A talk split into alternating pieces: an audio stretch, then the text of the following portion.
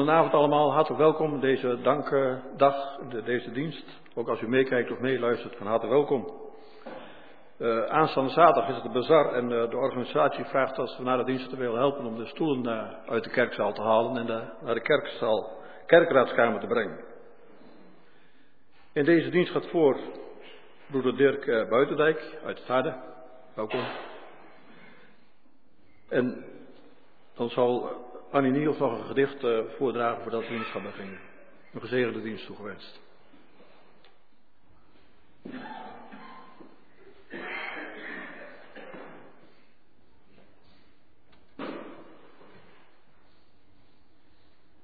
Goedenavond allemaal. God onze Vader, ongelooflijk zoals Hij deze wereld geschapen heeft. Onvoorstelbaar de mogelijkheden die Hij daarin heeft gelegd. Wonderlijk al die soorten bloemen en dieren. Fantastisch zoals Hij de herfstkleuren doet schitteren. Ontelbaar al die sterren in het heelal. Heerlijk dat we Zijn woord mogen hebben als richtsnoer voor ons leven. En bijzonder dat we daar steeds nieuwe dingen in mogen ontdekken. Ontzagwekkend is zijn toorn over de zonde en huiveringwekkend zijn oordeel over ongerechtigheid. Bemoedigend dat hij met ons is al onze dagen.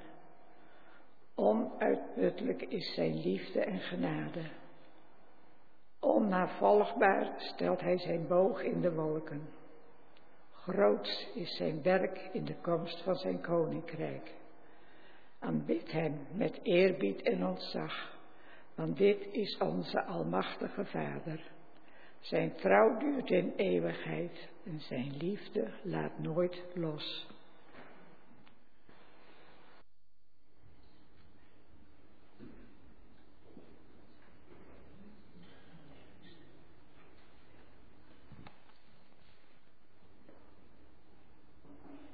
Ja, en ook uh, namens mij van harte welkom op deze dankdag, deze avond, uh, waar we ieder jaar weer terug mogen kijken naar, uh, de afgelopen maanden, het afgelopen jaar.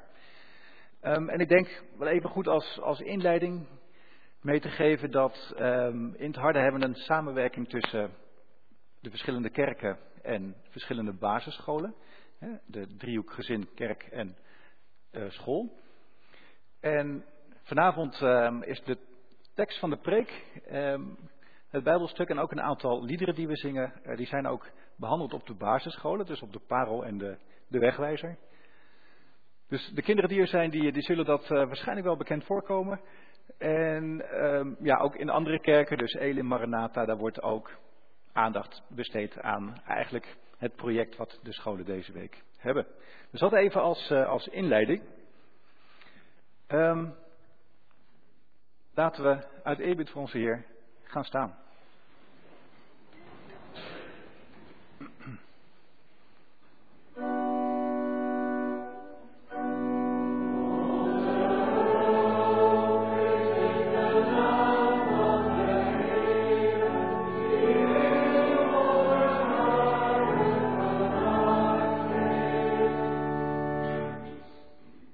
En ook vanavond op deze dankdag komen we weer bij God en mogen we ook horen dat er genade voor u is en vrede van God de Vader door onze Heer Jezus Christus in de verbondenheid met de Heilige Geest.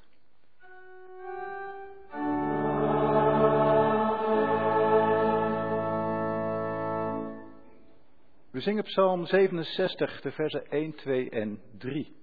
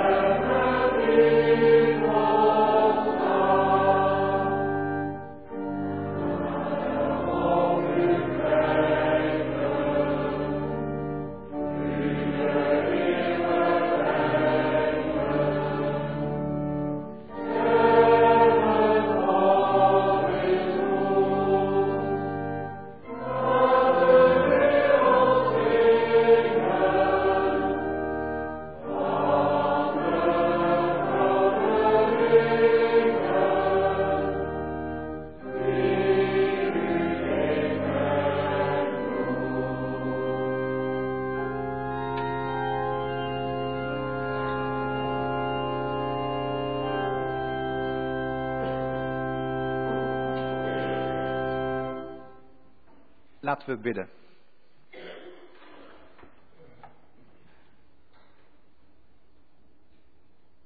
Trouw Vader in de hemel, eerbiedig komen we bij u vanavond. En dank u wel dat dat mag, dankzij uw Zoon.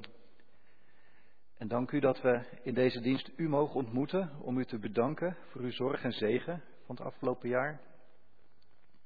Want Vader, wij erkennen, wij kunnen niet zonder u. We zijn helemaal van u afhankelijk. Dank u dat u onze Vader bent en altijd voor ons zorgt. En dat u door uw Zoon leven geeft, zelfs door graf en dood heen. En dank u wel dat we dat mogen geloven. Dank u wel dat we in leven en sterven altijd van u zijn. En dank u dat u ons altijd draagt, ook in tijden van moeite, van ziekte, van ziekenhuisbezoek. U bent altijd bij ons. We danken u voor wat we in elkaar vinden als broer en zus in het geloof. Dank u voor de plek die we mogen innemen in uw gemeente en dat we daar op de komende wijkavond ook samen over mogen doorpraten. Vader, geef ons het licht van uw geest als we vandaag uit de Bijbel gaan lezen en daarna gaan luisteren. Geef ons een dienst die tot eer is van u. Dit vragen we van u uit uw zoons naamstil. Uitgenade. Amen.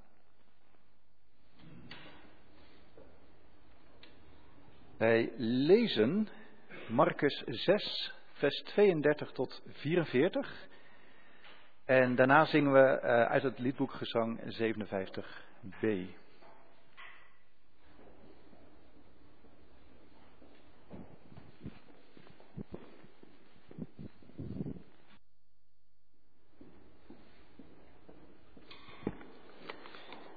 Marcus 6, vers 32 tot en met 44. Ze voeren met de boot naar een afgelegen plaats om daar alleen te kunnen zijn, waar hun vertrek werd opgemerkt en velen herkenden hen. Uit alle steden haasten de mensen zich over land naar die plaats en ze kwamen er nog eerder aan dan Jezus en de apostelen. Toen hij uit de boot stapte, zag hij een grote menigte en voelde medelijden met hen, want ze waren als schapen zonder herder en hij onderwees hen langdurig. Toen er al veel tijd was verstreken, kwamen zijn leerlingen naar hem toe en zeiden, dit is een afgelegen plaats en het is al laat. Stuur hen weg, dan kunnen ze naar de dorpen en gehuchten en in de optrek gaan om eten voor zichzelf te kopen. Maar hij zei, geven jullie hen maar te eten. Ze vroegen hem, moeten wij dan voor 200 denari brood gaan kopen om hun eten te geven? Toen zei hij, hoeveel broden hebben jullie bij je? Ga eens kijken. Ze gingen kijken en zeiden, vijf en twee vissen. Hij zei tegen hen dat ze de mensen opdracht moesten geven om in groepen in het groene gras te gaan zitten. Ze gingen zitten in groepen van honderd en groepen van vijftig. Hij nam de vijf broden en de twee vissen, keek omhoog naar de hemel, sprak het zegengebed uit, brak de broden, gaf ze aan zijn leerlingen om ze aan de menigte uit te delen. Ook de twee vissen verdeelde hij onder allen die er waren. Iedereen at en werd verzadigd. Ze haalden de overgebleven stukken brood op, waar wel twaalf manden mee konden worden gevuld. En ook wat er over was van de vissen. Vijfduizend mensen hadden van de broden gegeten.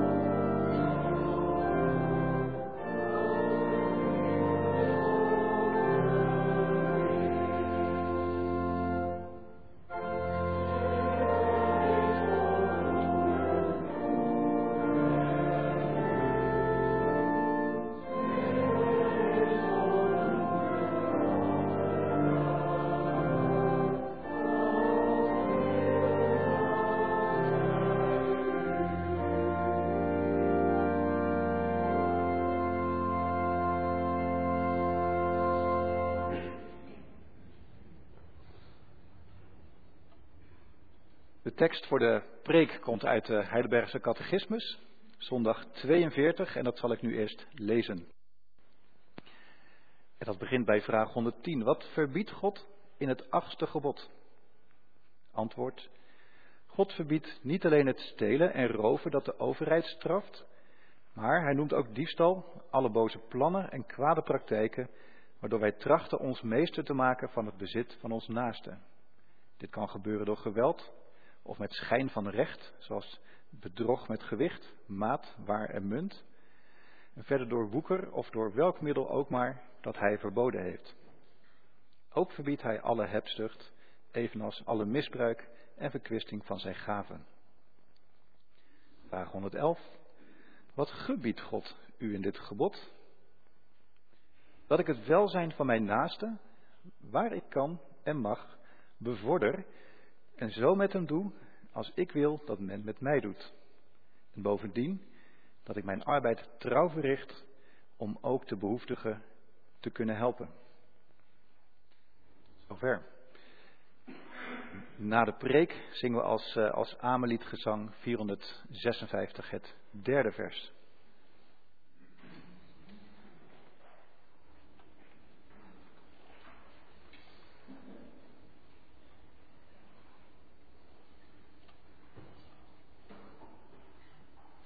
Gemeente van onze Heer Jezus Christus, broers en zussen, van jong tot, uh, tot oud.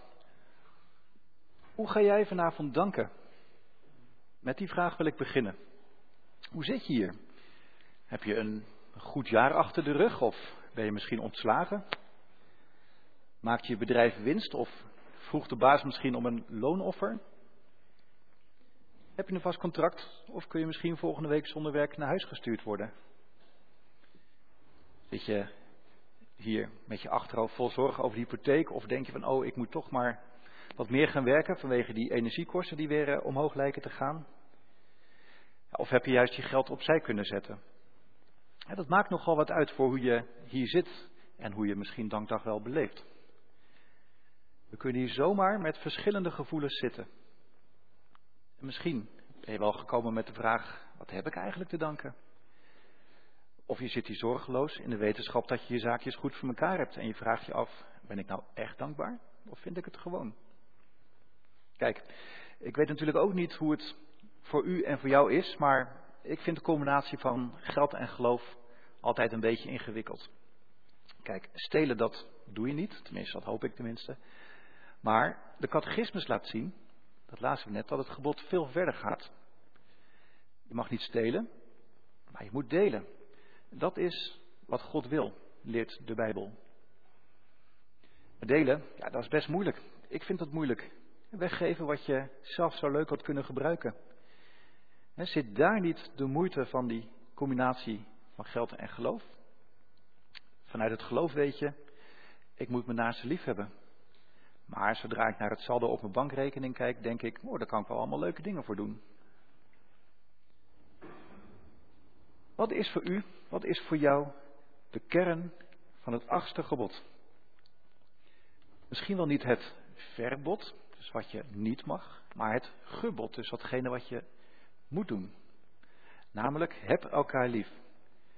En dat snap ik wel, hè, want als je zondag 42 zou samenvatten, dan valt de laatste zin op. De behoeftige helpen. Hè, dat je de armen helpt. Zij die niet zelf kunnen voorzien in de noodzakelijke levensbehoeften, zoals kleren, eten of onderdak. Het gaat vanavond um, niet over de problemen met dit apparaatje. Kijken. Nee, deze gaat het niet doen. Uh, het gaat vanavond uh, dus niet alleen over stil jij of niet, hè, dus iets meepakken uit de winkel, de belastingdienst oplichten of mensen vergeten te betalen. Nee, het gaat vanavond over hoe jij met je bezit omgaat. Dit is niet een preek voor mensen die wel eens stelen of gestolen hebben, maar een preek voor iedereen die geld en bezit heeft.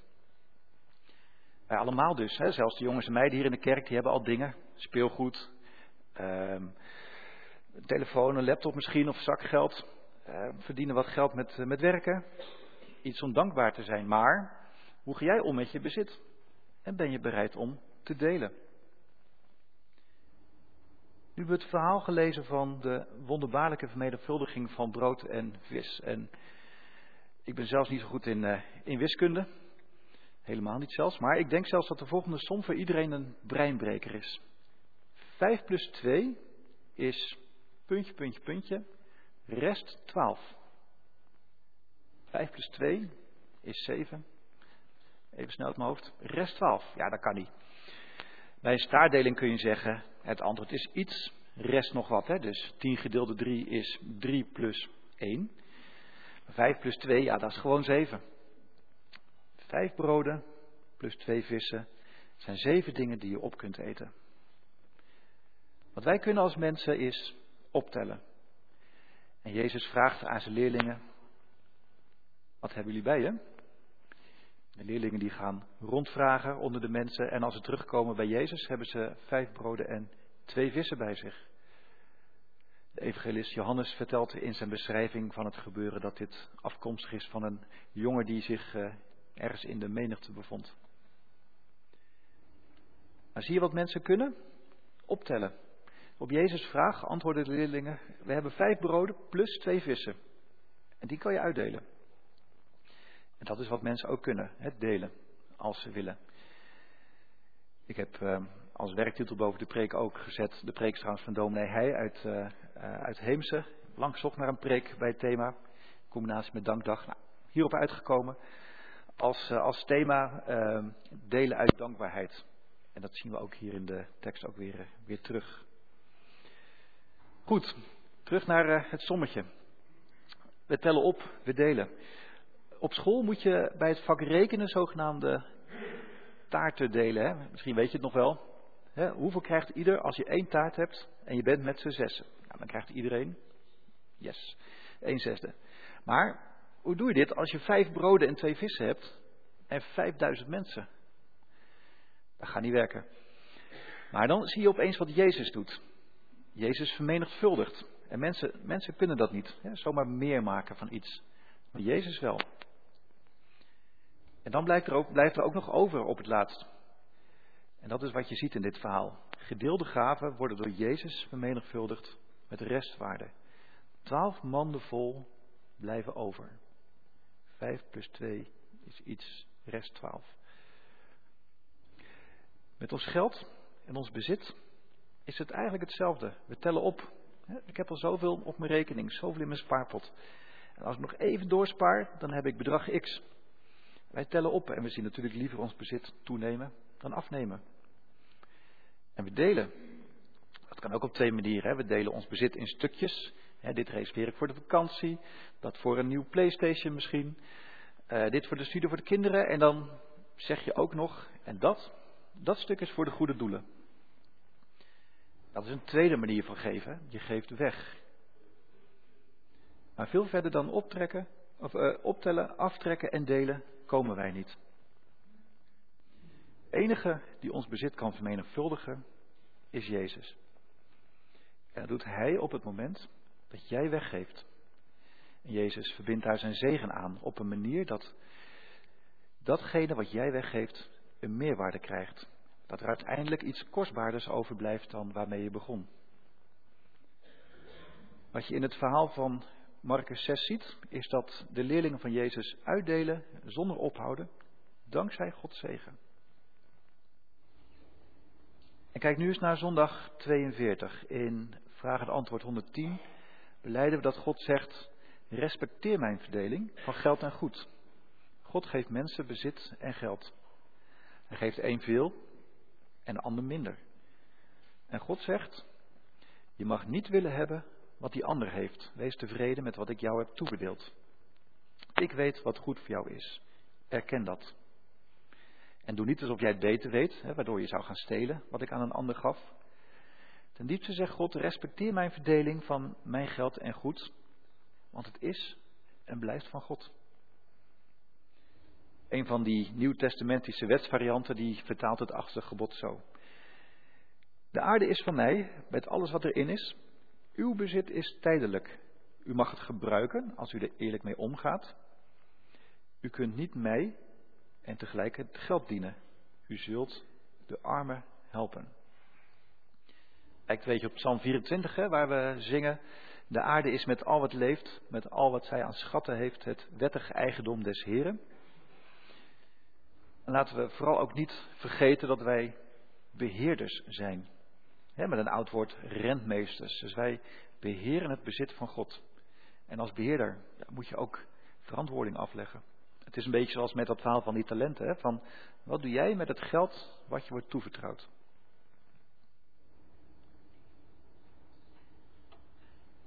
Behalve dat je Gods verdeling van zijn bezit respecteert, zegt vraag en antwoord 111 ook dat je armen moet helpen. Het is niet zo dat die armen bestaan omdat God de boel zo slecht verdeeld heeft, of omdat hij de aarde slecht geschapen heeft met droogte en dierziekten en overstromingen. Armen zijn er door toedoen van de mens.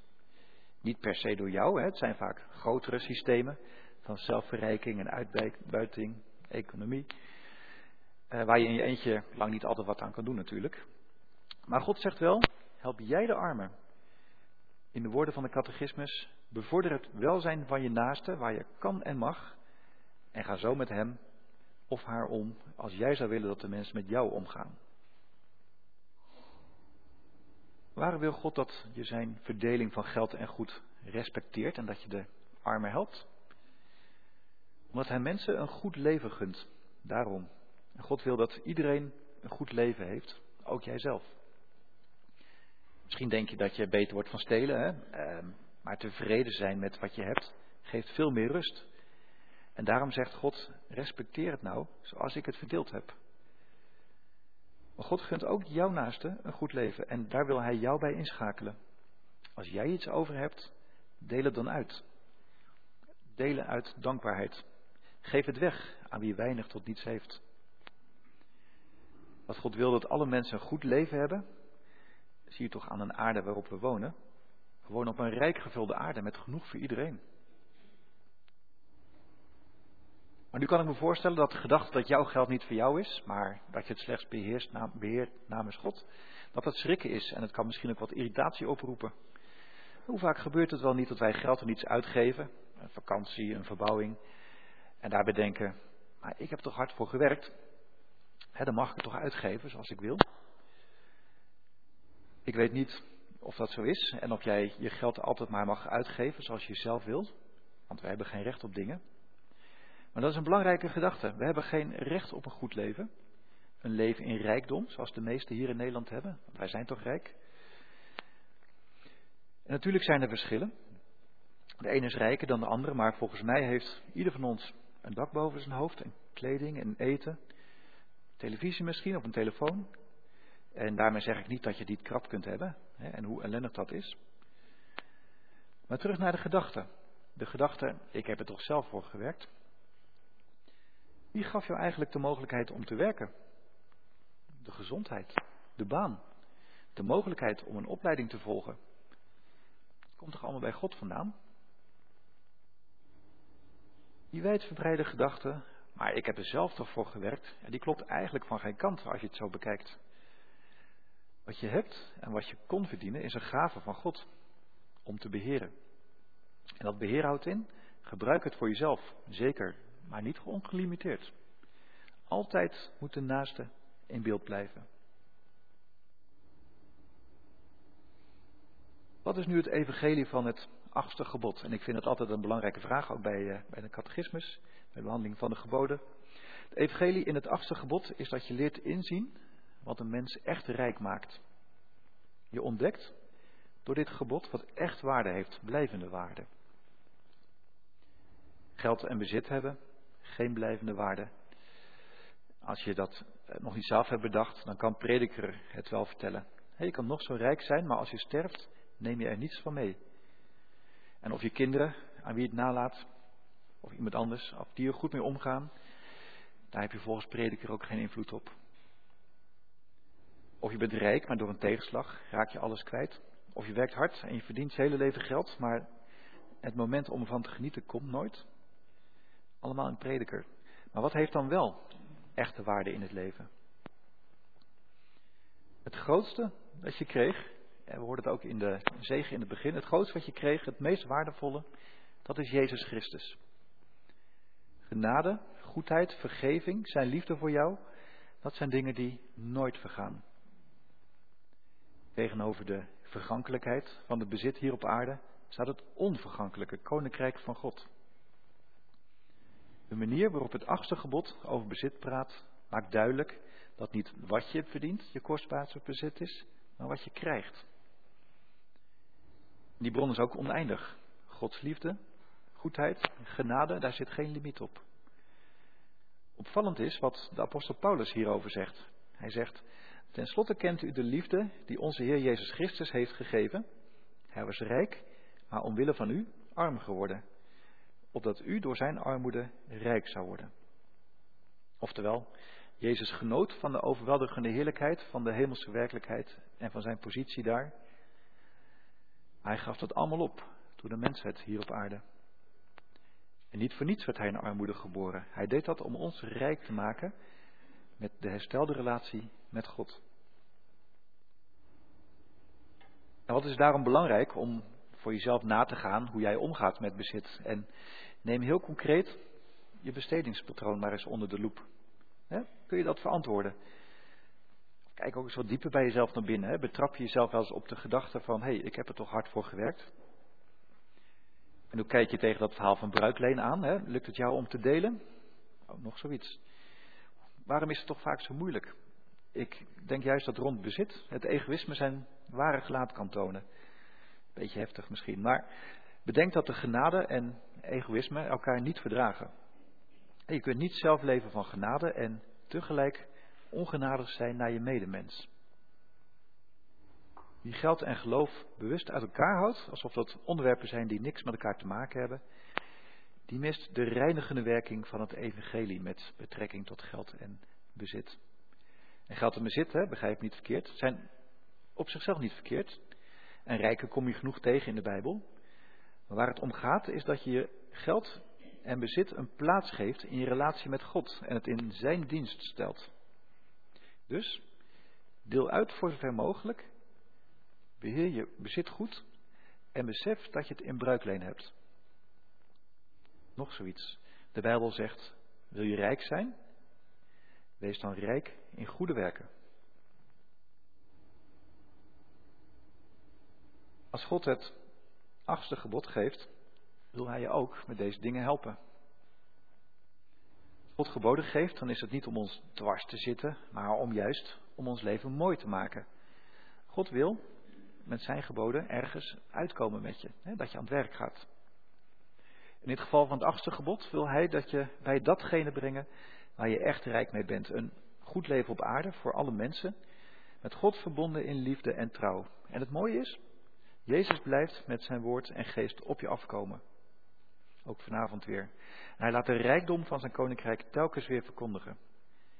En zo bevrijdt hij je van je egoïsme. Hij laat je zien wat echt belangrijk is in het leven, zodat je gerichtheid op geld en bezit naar de achtergrond gaat. Er is ook nog een andere manier waarop Jezus onrust in je wekt over je omgang met je geld. En dat doet hij met de armen op deze wereld. Je ziet het op het journaal, ook vanavond weer. Ze komen je huiskamer binnen via de Accept Giro's van de hulporganisaties. En ja, dat roept toch onrust op, ongemakkelijkheid. ik heb het zo goed, maar die anderen niet. Klopt het wel? Opvallend is dat wanneer geld uit Nederland als hulp gegeven wordt in een ver buitenland, de mensen daar stom verbaasd kunnen vragen: waarom helpen mensen uit Nederland ons? Dat is toch niet logisch? Misschien niet, maar het is christelijke liefde waar een getuigenis uit van gaat. Probeer het maar eens. Geven en delen. En ervaar wat het met je doet. Delen uit dankbaarheid. Amen.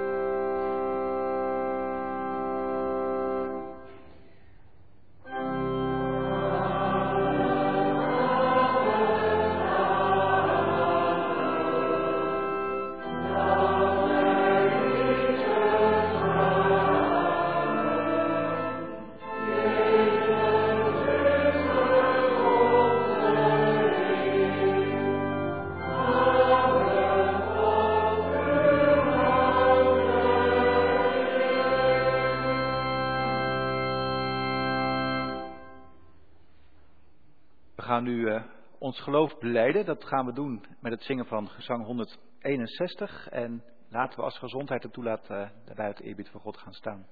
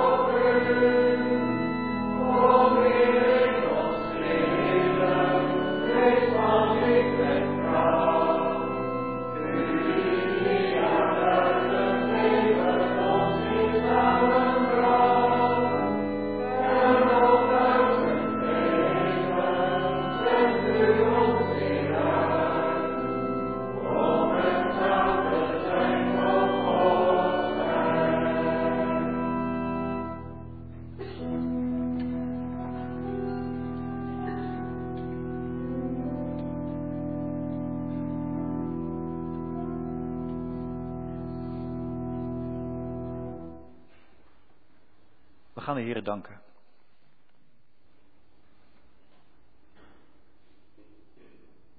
Trouwe Vader in de hemel. Dank u dat we u mogen kennen en dat u in ons hart wil wonen door uw geest. We mochten er ook van zingen. Dank u dat u de aarde hebt geschapen en dat we ook door u zijn geschapen en op deze aarde mogen leven. Dank u dat u mensen geeft die voor ons zorgen vaders, moeders, andere mensen. Wat bent u groot dat u alles zo mooi gemaakt heeft. Dank u voor de mooie schepping, voor de bloemen, de vogels, de vissen en de dieren. En dank u dat eh, de herfst zo mooi is, alle kleuren, het licht, de regen en de zon. En dank u dat u in het voorjaar en de zomer na droogte ook weer leven gaf. U alleen kunt gewassen en vruchten laten groeien. En we weten wel dat de natuur ook wordt bedreigd door allerlei zaken waar wij als mensen vaak de hand in hebben. En alstublieft, maak ons daarvan bewust. Wilt u een goede oplossing geven voor de problemen die er zijn in landbouw en veeteelt, in de industrie of met overbevolking? Wilt u zijn met de dieren die getroffen zijn door de blauwtongziekte? We weten, Heer, dat regen, droogte, ziekte, gezondheid, alles, dat niet zomaar toevallig is, maar dat het van uw vaderhand komt. Dat het u ons geeft. Ja, Heer, u geeft ons soms ook moeilijke dingen. Ziekte, sterfgevallen. Als we van niet al veel geld moeten rondkomen. Heer, wilt u dan ook bij ons zijn? U geeft ons ook fijne dingen. We mochten vakantie vieren, mooi weer hebben, elkaar ontmoeten in de SOS of bij categorisatie en vereniging.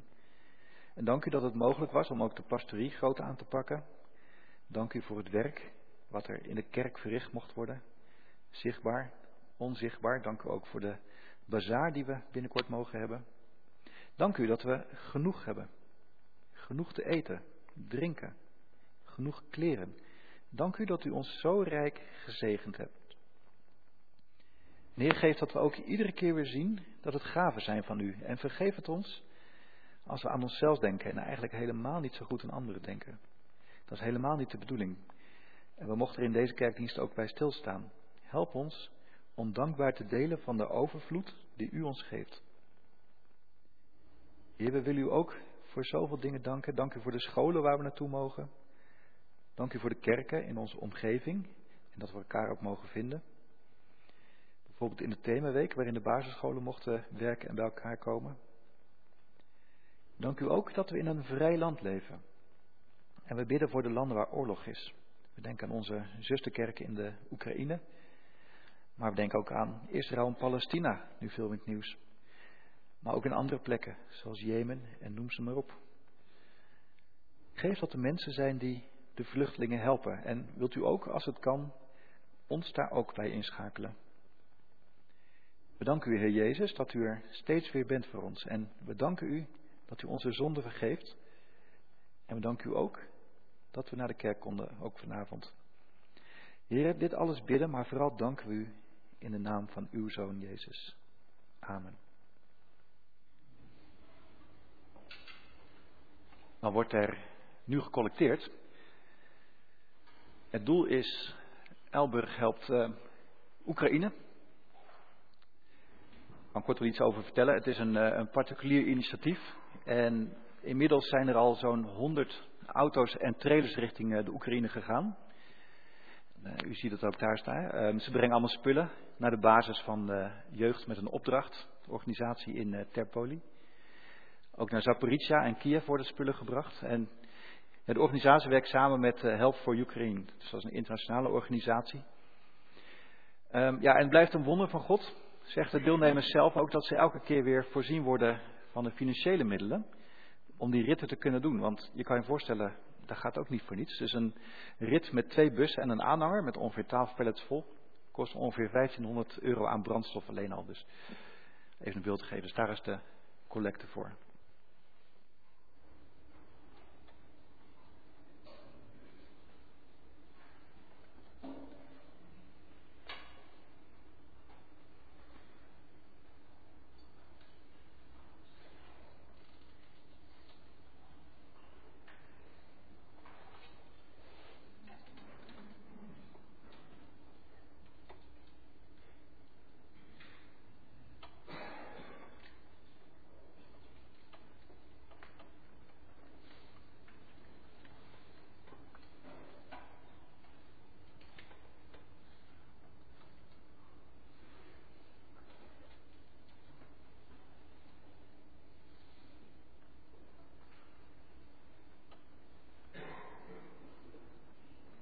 We afsluiten met het zingen van uh, lied 266. Dank Vader, dank u wel. En laat het bij staan.